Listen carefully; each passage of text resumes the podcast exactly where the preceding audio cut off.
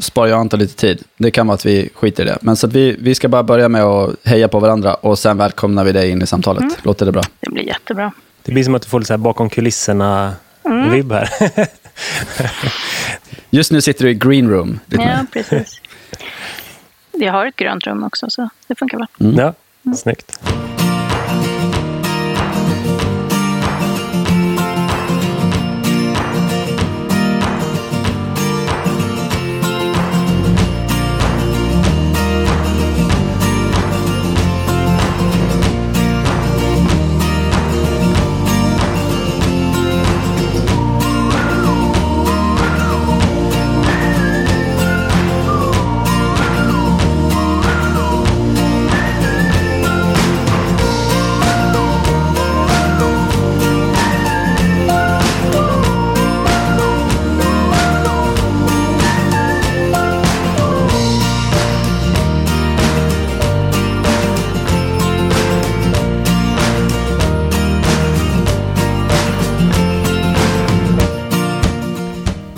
Så, eh, kul att vara tillbaka Anton. Vad säger du? Ja, men verkligen. Det är ju vår eh, vibb nu, överallt.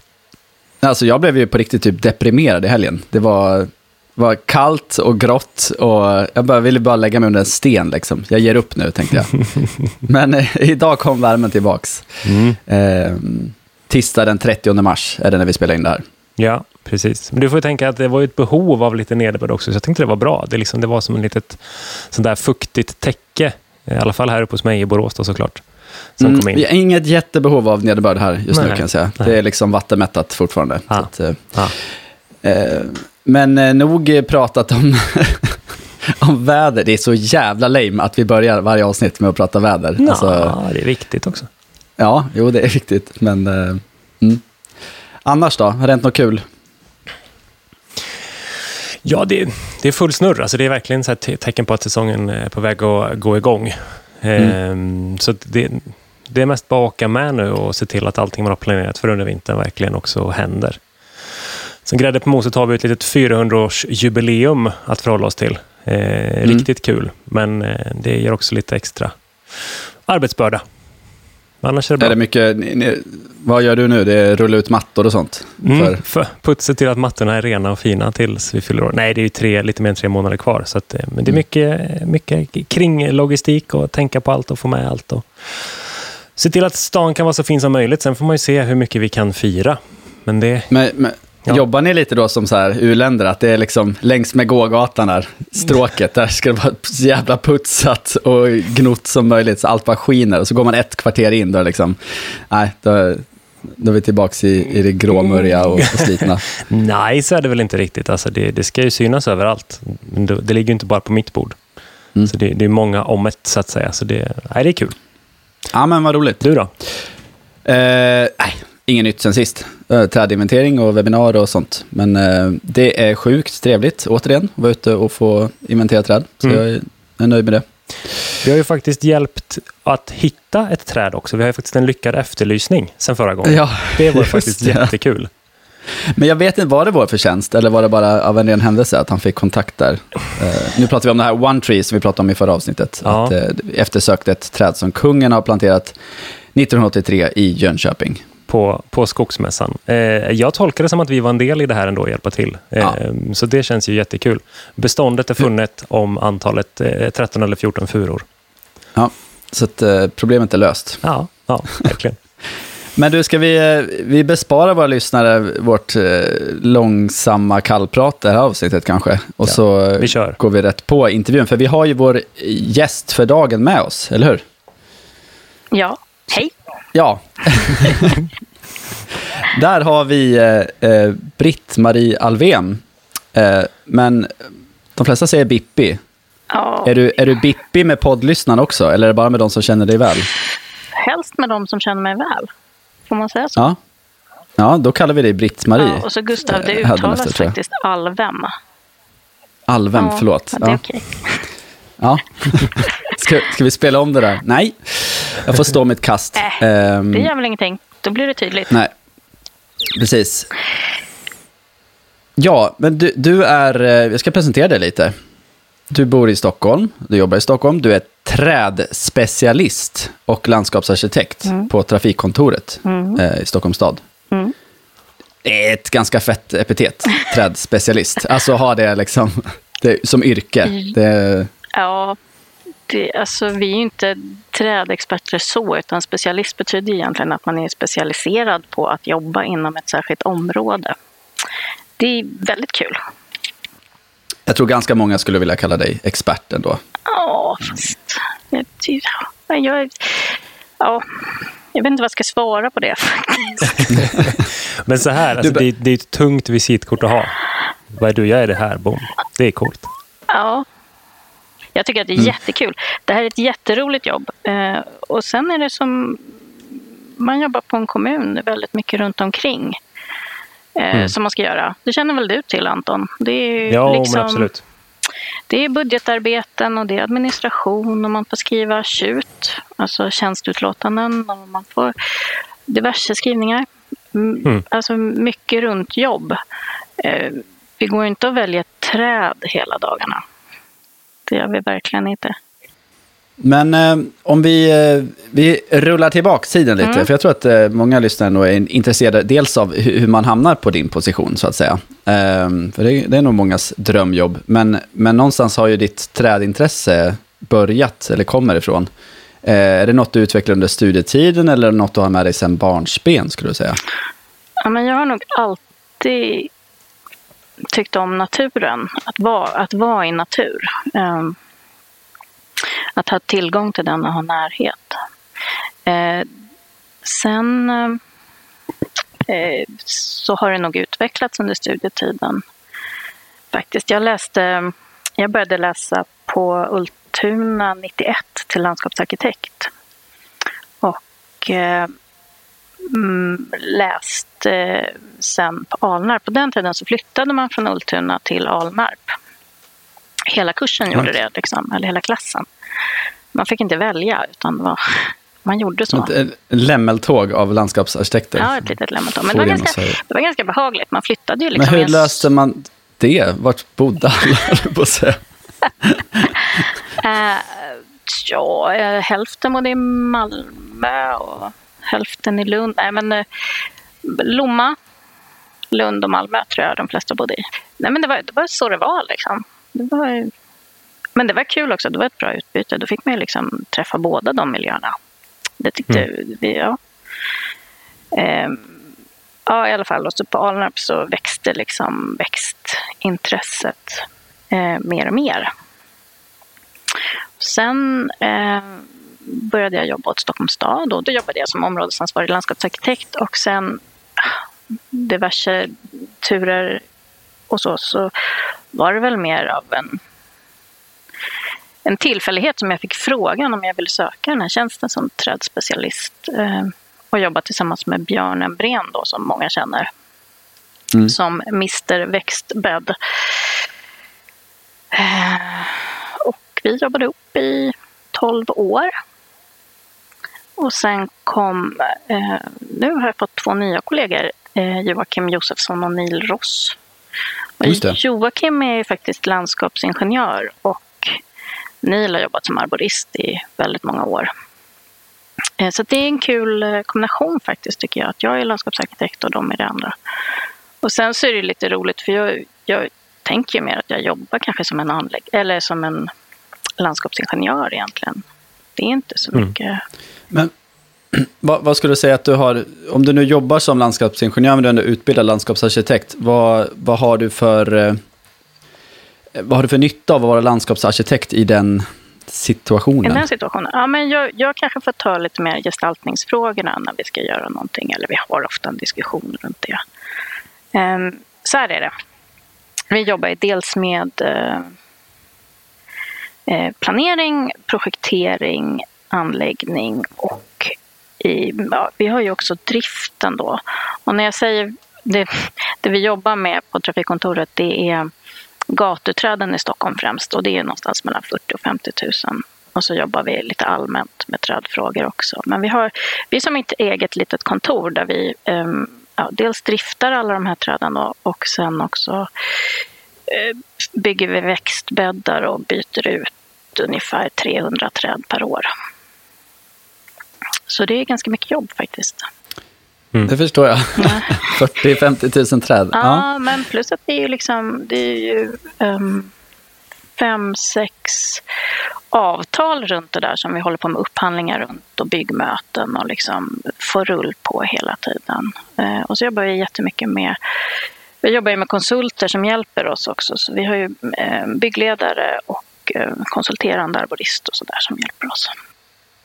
Men det är ni tre på kontoret? Det är vi tre på kontoret. Och så har vi ju mm. vi, all, det mesta nya som byggs i Stockholm, det byggs ju av exploateringskontoret. Så där är vi också hjälper till i olika trädfrågor och granskar och ja, försöker fixa. För de träden kommer vi att få ta över sen och drifta. Så det. det är jätte, jättevärdefullt att få vara med och hjälpa till där. Mm. Ja, det, det, låter som att ni gör ett hästjobb. Ja, men faktiskt. det är faktiskt väldigt mycket jobb. Så, och från början gjorde Björn det där själv väldigt mycket då, så han satt väl och var grön i ansiktet mer eller mindre. Eh, och så kom jag och hjälpte till lite, men det bara, det, vi har jobbat mycket genom åren. Jag tror eh, oavsett vilken kommun man frågar om de här frågorna så det känns som det är inte, det finns inte lika många lösningar som det finns kommuner men det är ändå nästan. Jo, det är, faktiskt, det, det är intressant. Det är jättekul. Vi, jobbar, eller vi försöker ha ett samarbete med Malmö och Göteborg och det är ju det är faktiskt jätteintressant hur olika man har löst de här frågorna i olika kommuner. Det är precis som du säger. Mm. Uh. Jag tror också att förutsättningarna gör ju också att eh, det behövs ju såklart lösningar på plats. Men samtidigt tror jag att generellt tror jag att vi i Sverige skulle tjäna på en att ha ännu lite mer diskussion och, och, och, tala om de här frågorna så vi hittar vad, vad är faktiskt den bästa lösningen. Och då tror jag den går att anpassa i skala också mm. i förhållande till hur stor kommunen är. Ja, men det, det håller jag med om. Det, det är en väldigt stor del i att ha ett utbyte med andra kommuner tycker jag. Det, det är kul att jämföra och, och hitta kanske nya lösningar som man kan ändra till och så. Mm. Mm. Trädpodden tackar vår sponsor Mareld Landskapsarkitekter. Nordens främsta landskapsarkitektkontor och förstahandsval för kunder med högsta ambition vad gäller gestaltad livsmiljö. Är du nyfiken på Marelds många olika tjänster och projekt? Gå in på www.mareldlandskap.se.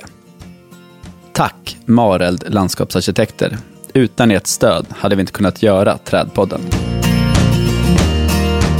Vi, vi pratar ju om er, era metoder och då kanske man framförallt tänker på växtbäddar. Vi kan gå in lite mer på, på växtval senare, men jag tänkte om vi skulle fokusera just på de här växtbäddarna. Mm. För det, jag tror ändå de flesta i branschen har ju hört uttrycket Stockholmsmodellen. Mm. Um, och eh, det finns även då Malmömodellen och annat.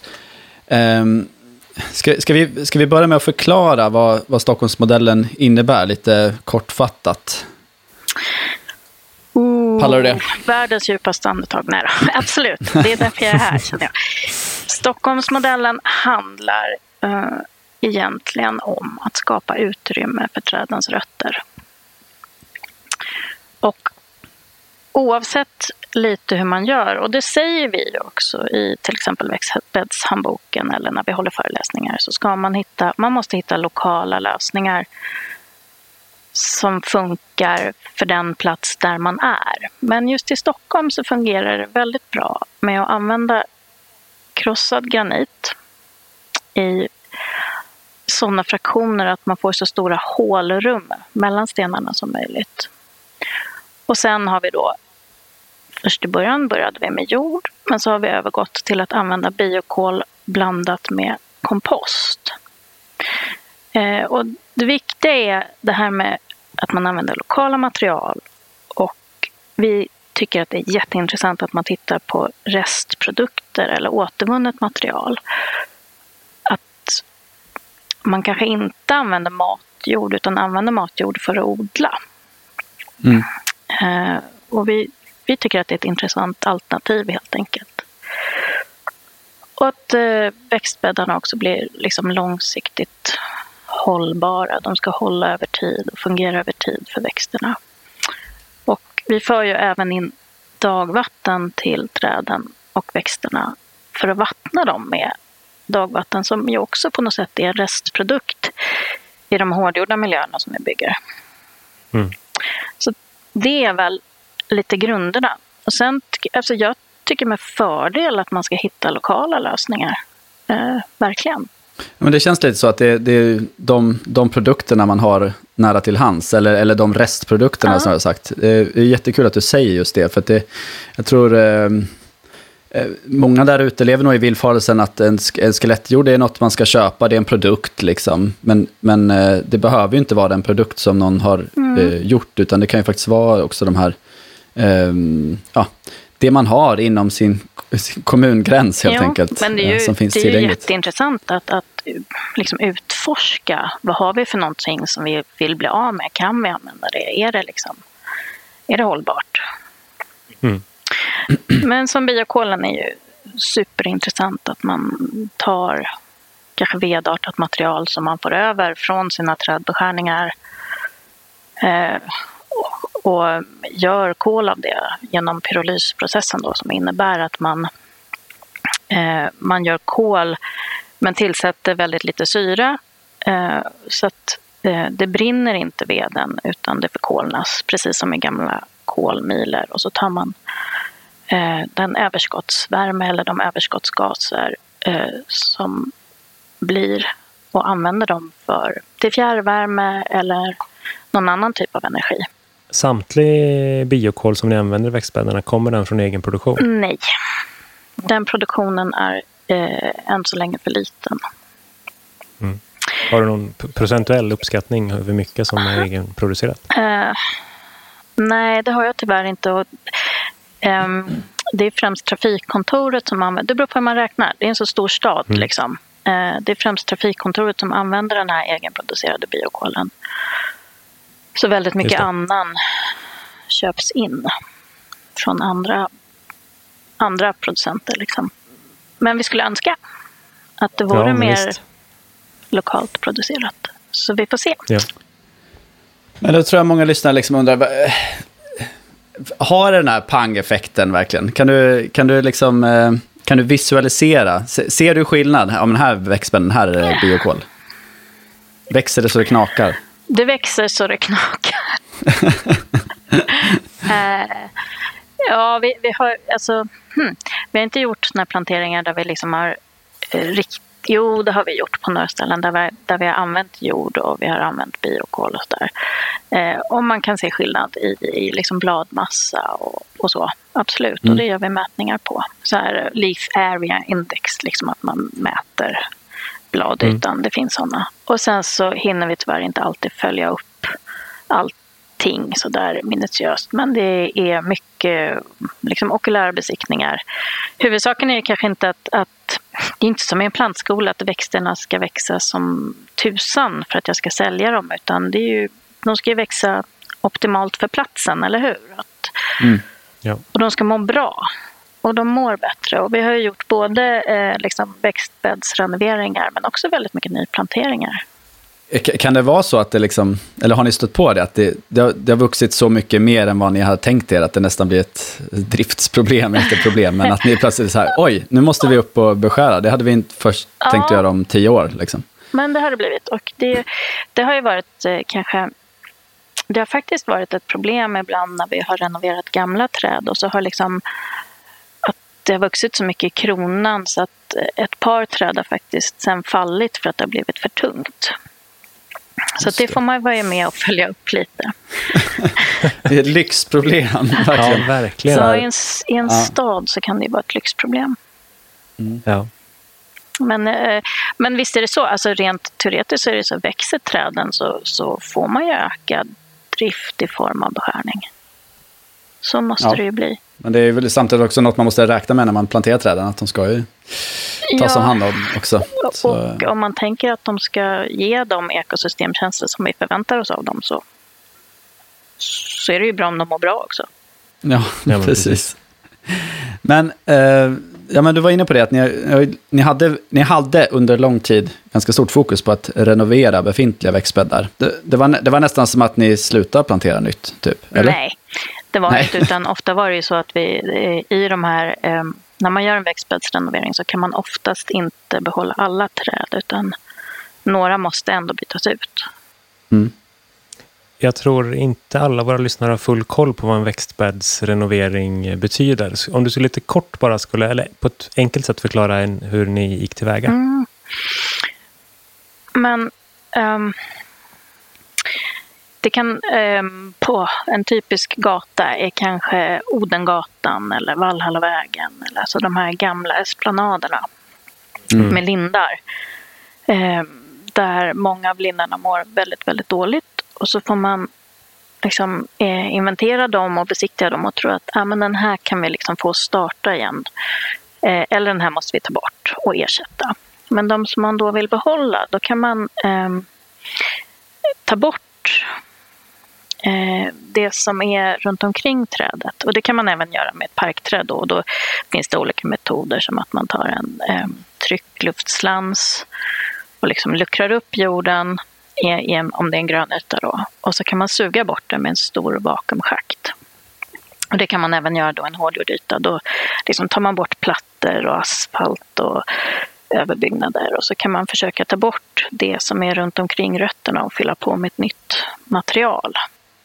Mm. Så det är fram med stora dammsugaren? Ja, det är fram med jättestora dammsugaren som är på en lastbil. Liksom. Men det, det, låter ju ganska kostsamt. Hur, hur står det sig jämfört med att bygga rätt från början? Är det, är det mycket dyrare att renovera i efterhand än att, än att bygga upp en växtbädd? Mm, det här, de här gatorna som jag pratar om, det är ju liksom etablerade gator med ganska gamla träd redan. Så där, där, är det ju, där har man ju liksom ett, ett stort träd som man vill bevara. Så att, alltså man får ju mer än om du sätter ett nytt träd ändå, om du förstår ja, hur jag menar. Eh, men att bygga rätt från början är naturligtvis bättre. Men jag menar, tekniken är ju... Vi har hållit på med det här sedan 2000, 2001 någon gång. Så att, eh, ja. Det, den fanns ju inte innan då.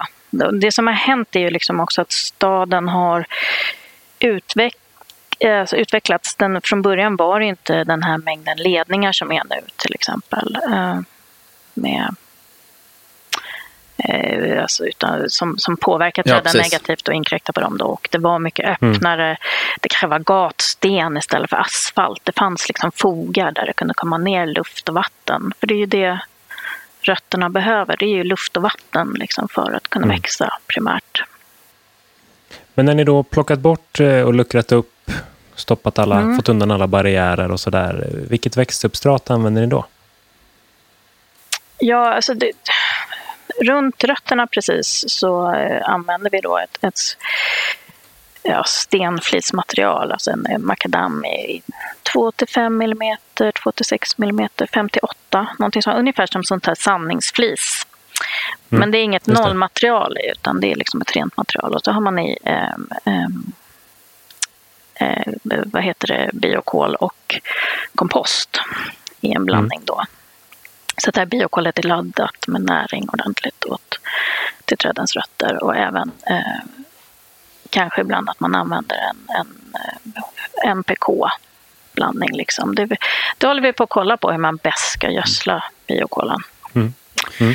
Och eh, eh, så lägger vi det och sen så eh, där det behöver bära med plattor och så, så får man lägga ett grövre material. Det kanske är en, alltså en, en, en större makadam helt enkelt, men fortfarande med den här porerna emellan så att man inte har det här nollmaterialet. Så bygger man upp det. det. på olika sätt. Väldigt svårt att förklara över radio faktiskt, eller? Nej, jag, ja, för mig är det logiskt, men det är klart att det inte... det, eh, jag tycker du har förklarat det väldigt bra, att det handlar om att skapa utrymme och att eh, lämna mycket luftporer helt mm. enkelt, så att vi får en, en luftig jord med gasutbytesmöjlighet. Trädpodden tackar vår sponsor Bara Mineraler. Nordens största leverantör av pimpstensjordar till stadens utmanande gröna miljöer. Deras långa erfarenhet kring substrat anpassade för framtidens städer har fött produkter som nu inspirerar en hel bransch. Besök baramineraler.se och inspireras av projekt byggda på goda grunder. Tack Bara Mineraler. Utan ert stöd hade vi inte kunnat göra Trädpodden. Men om man ser till Stockholmsmodellen, den är ju väldigt känd i Sverige, i branschen i alla fall. Eh, och den har ju självklart, alltså när den kom till så hämtar man ju inspiration från andra håll. Mm. Men jag skulle vilja säga att den har ju utvecklats i sån takt att Sverige idag börjar, alltså det är viss del eh, bias här, men jag, jag tycker ju att Sverige börjar dra ifrån faktiskt internationellt sett. Att vi är, vi är bland de duktigaste i världen på, eh, på eh, skelettbädd, eller på att, på att göra växtbäddar i hård jordmiljö helt enkelt. Är det något, skulle du hålla med om det? Du har väl ett ganska internationellt nätverk ändå, tänker jag. Jo, men det, alltså, jag tycker det. Och eh, jag menar, Björn särskilt har ju varit och föreläst i väldigt många länder och det är ju ett väldigt, väldigt stort intresse internationellt för det här. Och man, det finns växtbäddar i Graz i Österrike och i flera andra städer. Ehm, Jag kom på en annan stad som är duktig på det här. Det är faktiskt Lyon i Frankrike. De har ju, Mm. bygger liknande arrangemang också. Mm. Så det är kul faktiskt. Och det sprider sig. Och det är många som kommer och tittar och är nyfikna och intresserade. Både i Sverige har vi haft väldigt mycket studiebesök från andra kommuner och, och kontor och sådär. Men Mm. eh, även internationellt. Jag tycker också det är intressant det du börjar att säga där att inför en eventuell renovering då så gör man också en, eh, en grundlig besiktning på det materialet som står. Mm. Eh, Om du skulle, har det varit förfaranden som blir till exempel så att du renoverar en allé och så eh, samtidigt då så byter ni också ut? Är det liksom en, en grund, ett Ja, grundförfarande det händer? Absolut, det, det är oftast så vi gör. att Det tillkommer några nya träd. Eh, De kanske har sådana skador. Eh, Kanske beskärningsskador, gamla, eller så har de eh, liksom påkörningsskador eller grävskador eller man upptäcker man upptäcker skador under arbetets gång också ibland så att man får ta bort träd. Mm, mm. Men om vi ska, vi- jag tror vi får tillåta oss att eh, lämna ämnet växtbäddar och växtbäddsrenovering. För att ni planterar ju också massor med träd och det tror jag många av lyssnarna vill, vill höra mycket om, hur ni, hur ni jobbar där. Ehm, ni har ju några liksom ganska uppmärksammade trädval och, och eh, vad ska man säga, dels både lite kaxiga och lite av zonknäckare också skulle man kunna kalla det på, på många ställen runt om i, i Stockholms stad. Framförallt de, de lite mer senare trädplanteringarna. Zonknäckare. Ja, Okej, men lite ja, sådär. okej. Ja, ibland i alla fall. men, eh, ja, men till exempel att det står eh, en allé med kinesträd, alltså Köllrevteria paniculata framför Åhléns city. Ehm, det, det är ju en, det är en plats som är liksom, ska man säga, eh, arkitektoniskt och eh, eh, kulturhistoriskt kanske ganska betydelsefull för, för stockholmare och eh, Stockholms stad. Liksom. Det är ju där man kliver av. Man går ut på Sergels torg och så kommer man upp till Åhléns city. Och så är det det första man ser. Hur, var du med i den processen och välja de träden? Och, och skulle du säga att det eh, rimmar i den linjen med, med den linjen ni, ni jobbar? Ja, alltså, om vi börjar från början. Eller jag måste börja så här. Ja, jag tror min fråga blev för lång. Ja, du får men- hoppa in var du vill. Ja, men mitt svar kommer att bli långt också. Vad Ja, heter bra. det? Ehm, eh, jo, det andra benet, förutom växtbäddar som vi står på, det är också garantiskötsel. Vi är ju väldigt noga med att man måste utföra garantiskötsel åtminstone i två år. Och att man kontrollerar att garantiskötseln utförs. Mm. Och vi använder ju bevattningssäckar för vi tycker att det är väldigt enkelt. Det, gör så sån här, det ser ut som träden har stö- stövlar på sig. De har liksom två stycken gröna säckar och så fyller man dem och så filtreras det där vattnet ganska eh, långsamt ner under åtta timmar då till växterna. Och så kan man kolla om, dels kan man kolla om säcken är fylld och så kan man kolla om säcken är tömd. Så det, det tycker vi är superviktigt och då gör vi det ungefär från april till september någon gång. Så det är någon som är anställd som sexsparkare? Ja. Går runt och... Ja. Vi har en oberoende sexsparkare. Absolut. Hon- Ja.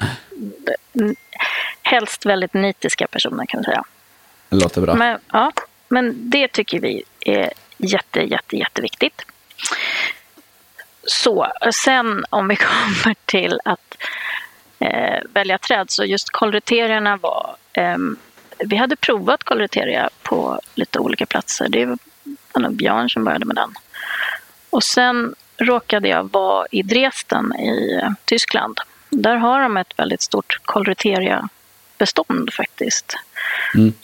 Och så har vi just utanför Åhléns så är det ett väldigt begränsat växtutrymme så vi ville ha ett träd som vi tänkte skulle bli lite mindre men också tåla liksom ganska varm. Det blir varma somrar där. Det är, det är inget annat som skuggar riktigt utan det, det är sol rakt på. Och de har ju stått nu sedan 2017 i alla fall va?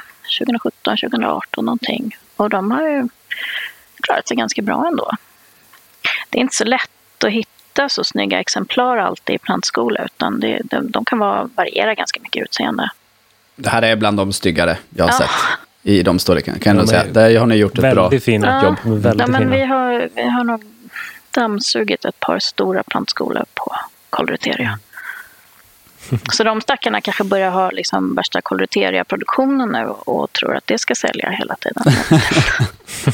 Jag tror att det säljer ganska bra. Eh, Det men känns som det att det finns inget, inget projekt i Malmö där det inte stoppas ner några Ja, kinesträd. det är sant.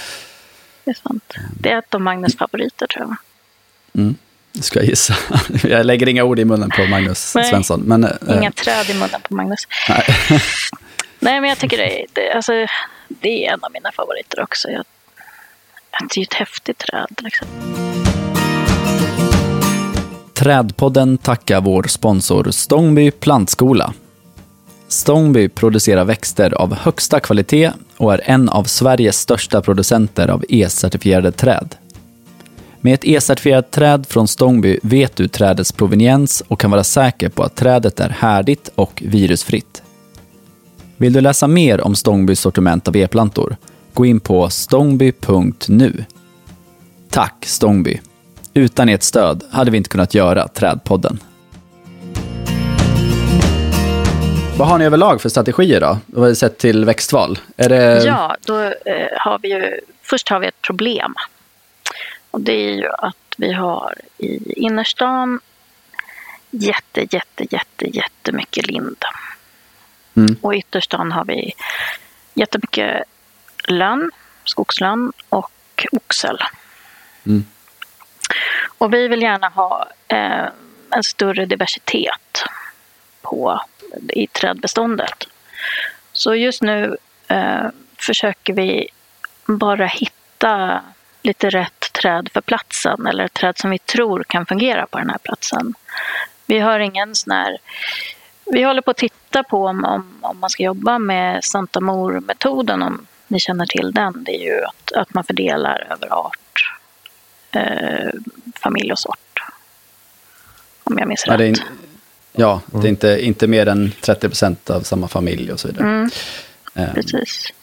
Ja, men vi tittar på det, men just nu försöker vi under tiden bara eh, liksom, eh, hitta träd att prova på den plats som vi har.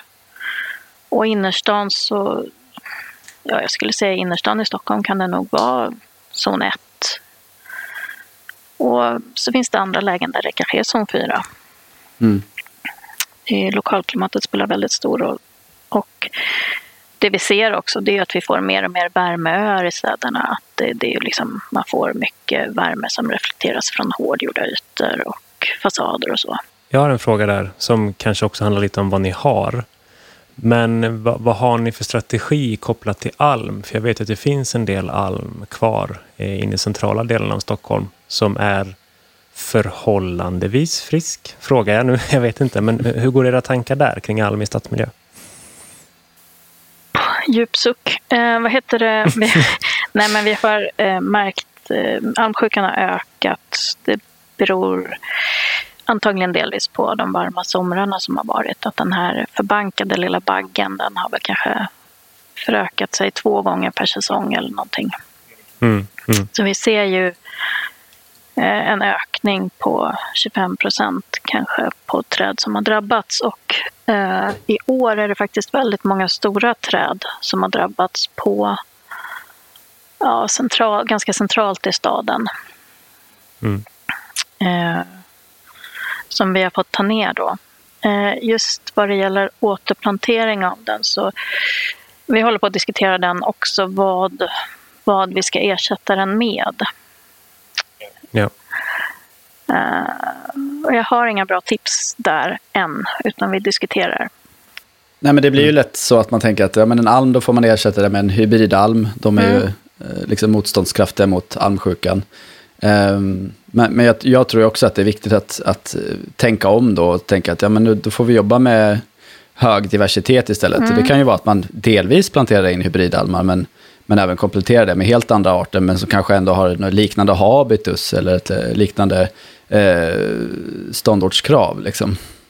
Chansen finns ju att läka en skada där, eller en, ett feltänk sen innan. Mm. Att man kanske hade lite för mycket alm, men bevisligen så har vi ju kanske för lite för mycket alm. Och då, precis som ni säger, mm. få chansen att späda ut det lite grann är väl jättebra. Men jag menar, många av almarna står ju, alltså eftersom den har varit fenomenal på att etablera sig själv från fröplanta liksom, och blir de här mm. stora träden som kanske står i miljöer där det är väldigt svårt att plantera nytt, mm. så är den ju också svår att ersätta. Eh, Just det. Tycker jag. Ja. Men en, en annan art som vi har provat är ju Selkova, eh, japansk Selkova alltså Selkova serrata. Det mm. finns det rapporter på att den kanske inte är motståndskraftig mot uh, almsjuka. Men... Den tillhör ju almfamiljen. Precis, men det, det är ju ett träd som... Uh, när man ser den i höstfärg, när får höstfärg, så kan det ju vara helt fantastiskt att den blir såna här magiska röda toner. Och vaccination, hur har ni tänkt kring det? Har ni provat det eller har det aldrig varit ett alternativ? Nej, vi har, vi har faktiskt inte provat det. Eh, men eh,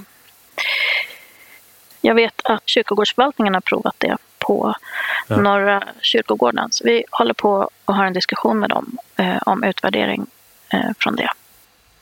Det är intressant, för det, vi började vaccinera förra året. Vad märker ni eh. för, märker ni skillnad, eller de har klarat sig så länge ja. eller? Ja, vi, vi har inte haft almsjukan. Första eller konstaterade fallet var 2019. Mm. Eh, så vi har ju ett bestånd att jobba med. Eh, men jag ser väl största hotet är väl lite det du nämnde innan, att almen varit så duktig på att föröka sig själv. Mm. Så den står ju, de, de plantorna vi inte vill ha, som står lite dumt, som står i någon slänt någonstans, men som har blivit smittade, det är ju ganska dyrt att avveckla dem också. Så det, det, är ju den jakten som jag tror kommer bli den största utmaningen. Vaccinet i sådant, eh, ja det kostar pengar men det är förhållandevis lätt att utföra och vaccinera och vi har med eh, Svenska kyrkan i Borås på det med. Så det är en fördel då. Mm. Ja, men absolut, det, det, är ett träd som fattas. Jag tycker ja, de är fantastiska. Sv svårersatt kan man säga. Och det kan man ju fråga sig, liksom, det är lite av en kanske filosofisk fråga, men eh, alltså de, de största träden i Stockholm är väl almar, liksom, bland de största. Eh, Eller har varit. I, i, ja, precis, i gatumiljö. Ja, Då kan man ju fråga sig, så här, kommer, kommer våra barnbarn att få uppleva den typen av stora träd i stadsmiljö överhuvudtaget? Eh, Ja, kanske med tanke på de typer av växtbäddar ni jobbar med idag. Men mm. eh, det är ändå intressant att fråga sig. Ja, men det får vi väl verkligen hoppas. Ja, vi jobbar väl efter det, den målsättningen i alla fall.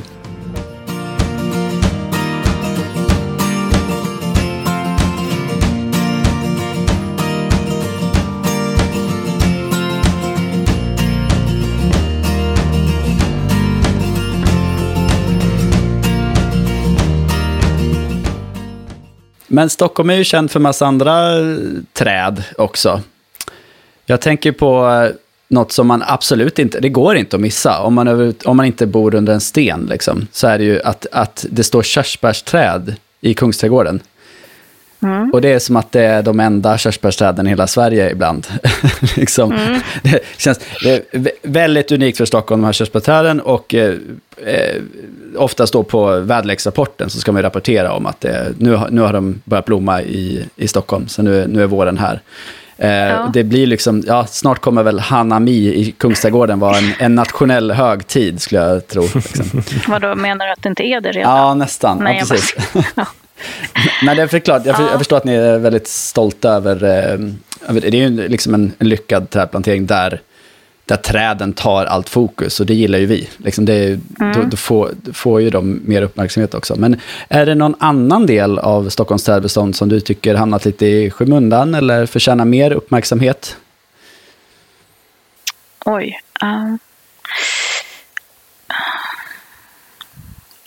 Jag förstår att du vill svara helheten, alla. Men, men om det är något... eh, jo, men jag, jag har ju en, en liten favoritgata faktiskt på Kungsholmen. Mm. Och det är ju Södra Agnegatan. Som har eh, ett stort bestånd av ganska gammal kaukasisk vingnöt. Just det.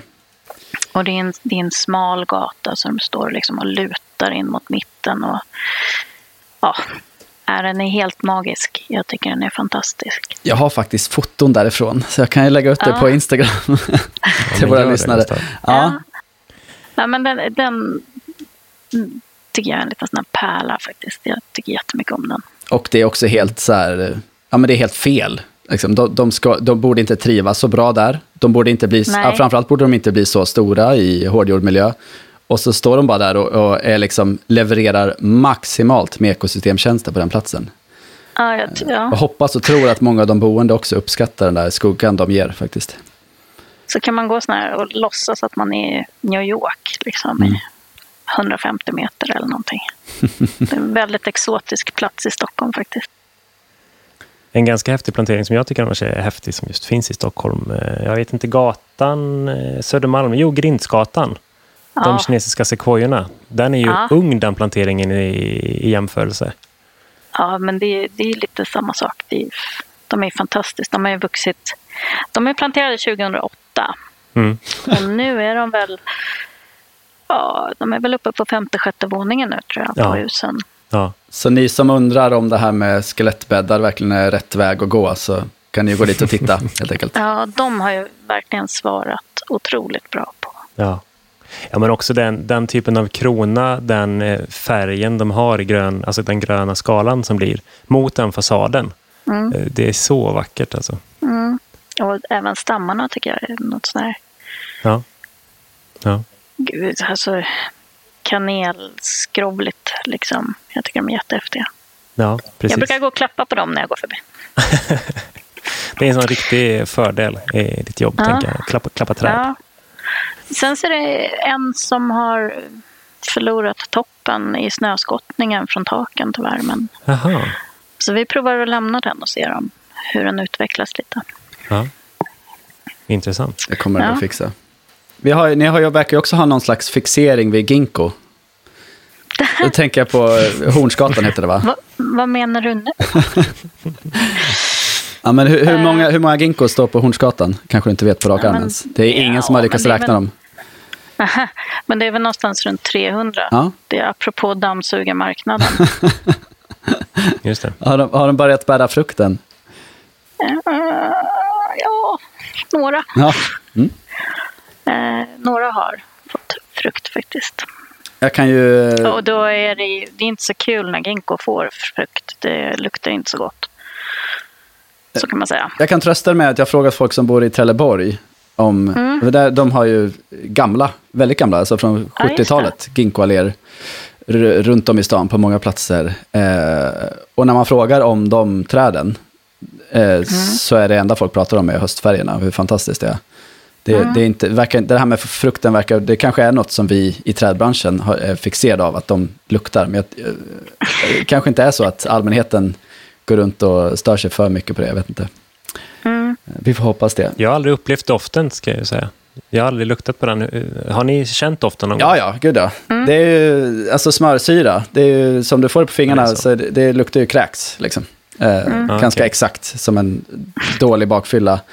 Eh, men, Så bokashi på fingrarna är liksom ingen fara om man jämför med... ja, men någonstans i den, det är ganska nära det skulle jag säga. eh, Okej, i doft. ja. Men, men eh, det vi då, man kan ju faktiskt ta vara på frukten också. Det gör de ju i Japan. Man, man får, jag vet inte riktigt hur man gör i själva hanteringen, för att man vill ju inte röra dem för mycket. Men om, jag skulle tänka mig att jag samlar dem i någon slags trådback och sen så ta fram högtryckstvätten och få bort allt det här fruktköttet. För där innanför ligger ju en liten, en liten nöt som man kan rosta och det är eh, riktigt Det är gott. su- supergott. Mm. är det. Kan jag tipsa om. Mhm. Det är jättegott med ginkgo. Eh, ja, Men vad var vi? 300 stycken, ja. Precis. mm, Men det är ett precis. Eh, det är kaxigt val liksom. Ja, men nu kör vi all in. ja. Men det var, det var ju just det att vi kan inte ha en lindallé till i Stockholm. Vi kan, I innerstan. Vi kan inte ha en lindallé, vilket var ursprungsidén kanske. När projektet kom upp om att plantera träd på Hornsgatan. Mm. Eh, och då gjorde, ja, det var Björn som jobbade med det då. Då gjorde han en, en, liksom, en tabell över olika mm, träd och vad de hade för egenskaper och vad man fick. Och så fick faktiskt ginkgon eh, högsta poäng i hans. Eh, så då blev det det. Eh, det fanns en massa andra idéer. Det fanns tall och det fanns magnolia och... i den där tabellen. Mm. Men det landade på ginkgo. Eh, och det, alltså det har ju varit väldigt spektakulärt och det kommer ju bli ännu mer spektakulärt med tiden. Ja. När de blir stora. Det är kanske de Jag som tycker får... den är jättehäftig. Om, om körsbärsblomningen talar om när det blir vår så kan ju ginkorna få tala om när det blir höst helt enkelt. Så, ja, eh, lite så. Väderleksrapporterna är det, rena, kommer... är det rena arten när de har jobbat med någon namnsort? Eller vad, hur har selekteringen alltså, gått eh, Vi har försökt att köpa hankloner men jag skulle säga att jag tror inte plantskolorna själva har riktigt koll så att jag tror att det är en väldig blandning där. Okay. Och vi har fått det är både hon och hanträd. Ja. För det har kommit en del selekteringar på senaste tid som har alltså, smal, smalkroningar, men det är ja. inget ni har behövt jobba med då, utan det finns så pass gott om plats.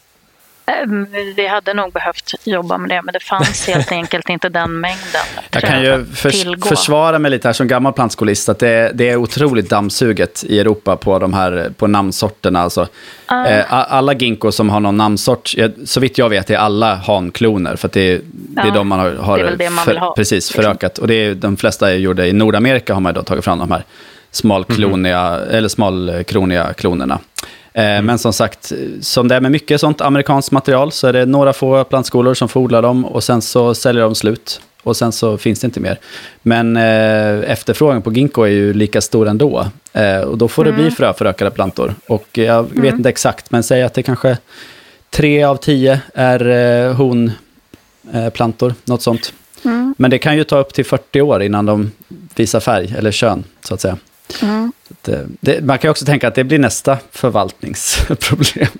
Precis. Sen så, alltså, ginkgon är ju lite tjurig att flytta på också tycker jag. Det tar några år innan den ja, gud ja. vill etablera sig. Men eh, jag tror att det kommer bli fantastiskt där. Men jag tycker att, ja, men just sett till gatuträd så är Stockholm en stor inspiration. Och det är jättekul att gå runt mm. och titta på växtvalen. Och, och det, är ju, alltså, det är ju lite, lite som man jobbar på många, alltså i Malmö också, att det blir lite av en botanisk trädgård att gå runt. Eh, i, I och med att man flyttar sig mellan världsdelar, bara genom att gå några kvarter så har du ett träd mm. från en helt annan världsdel. Men, men Göteborg är väldigt känd för sin botaniska trädgård. Lund har också en botanisk trädgård. Malmö har ju till exempel Millennieskogen. Eh, och Alnarp har ju Alnarpsparken såklart. Vad, vad skulle du säga, vad är Stockholms svar? Är är det bergianska då? Ja, alltså formellt så är det ju bergianska. Mm. Tror jag. Men det hör inte riktigt till stadens organisation utan det är ju separerat från den. Okay. Jag vet faktiskt inte vart de hör riktigt. Men Bergianska är väl liksom den, den formella botaniska trädgården, men annars... Det, det, finns nog inte möjlighet att anlägga en, en, en ny botanisk trädgård i Stockholm, utan eh, det är väl kul om vi kan ha det på gatorna också. Precis. Mm. Där det, ja, det fyller ju fler funktioner där. Mm. Nej, men det finns ju... Eh, alltså jag, jag tycker Göteborgs botan är fantastisk. Det räcker med den kanske? Ja, men det sitter ju långt inne för en stockholmare att säga, eller mm. Nej, jag tycker faktiskt att den är jätte, jätte, jätte häftig. Alltså verkligen. Det, det är kul. Um, men um, det, alltså, jag, jag tycker att det är roligt om vi kan föra in nya, fler nya arter på Stockholms gator. Som, som klar, liksom har förutsättningar att klara det liksom, hårda klimat som en stad ändå utgör. Det är inte så trädvänligt att plantera träd i en stad. Nej. nej. Eller, nej. Har ni något antaget eller beslutat mål om eh, artdiversitet? I, i en Nej, vi håller på att ta fram ett. Okej. Okay. Uh, Och det, och det, det är ju som Henrik pratade om också. Eh, alltså det, det finns ju en, en diskussion om, om eh, att använda ett inhemskt material eller att använda ett exotiskt material. Och Mm. Det är ju också någonting som man får fundera på var man gör vad. Mm. Ja. Men att, att stå med den typ av eh, trädbestånd vi har på gatorna idag eh, och det kommer en lindsjukdom. Mm. Det skulle ju inte vara så jättekul. Nej, Då jag inte tror så det är många träd. som vill byta jobb. Men, ja, men lite så. Lite så. Men då kanske vi borde höra sen, för jag sitter i samma båt. Vi håller också på att ta fram ett dokument för Ah. hur vi ska gå vidare och Ja, men utveckla. jättegärna. Jag vill jättegärna fråga dig mer om, om almsjuka också. Mm. Det, det får ni ta utanför intervjun. Vi har en deadline, Ja, vi har tidsbrist här nu. Mm. Men, ehm, ja, men när vi ändå pratar om det, liksom att innerstadsklimat, där, där kan man ju, tycker jag i alla fall, absolut tillåta sig att att satsa på exoter. Men alltså, kanske ute i förorterna är ju ofta väldigt naturnära. Nu vet jag inte hur mycket du jobbar aktivt i förorten, för kanske är andra kommuner så att säga. Men ehm, är det stor skillnad på hur ni, eh, ja, hur ni tänker kring trädplanteringar eh, i, i de centrala delarna och i de lite mer... Eh, jag, jag tänker att det är i de centrala delarna som är varmare, där är vi liksom friare att använda mer exotiska arter också. Eh, när man är nära ett naturreservat eller någonting, då kanske man får vara lite mer, mm, använda eh, mer vanliga arter. Men eh, alltså Stockholm sträcker sig ju från Farsta till Hässelby och det, det är ganska stor eh, variation. Eh, vi försöker ju, som vi pratar om en, en hel del. Vi försöker ju också stärka tallsamband och eksamband i staden. Vi har ju väldigt mycket ek eh, liksom i sydlägen och så är det mycket, på, på, i norrlägena så är det mycket barr, mycket tall. Som vi vill vara med och stärka och vi tänker att det kan smyga in på, på gator och så också. I, Norra Djurgårdsstaden är ju ett fantastiskt nytt exploateringsområde eh, med jättemånga eh, nya fina växtbäddar och mycket eh, perenner och alltså regnbäddar och så. Mm. Har ni varit där?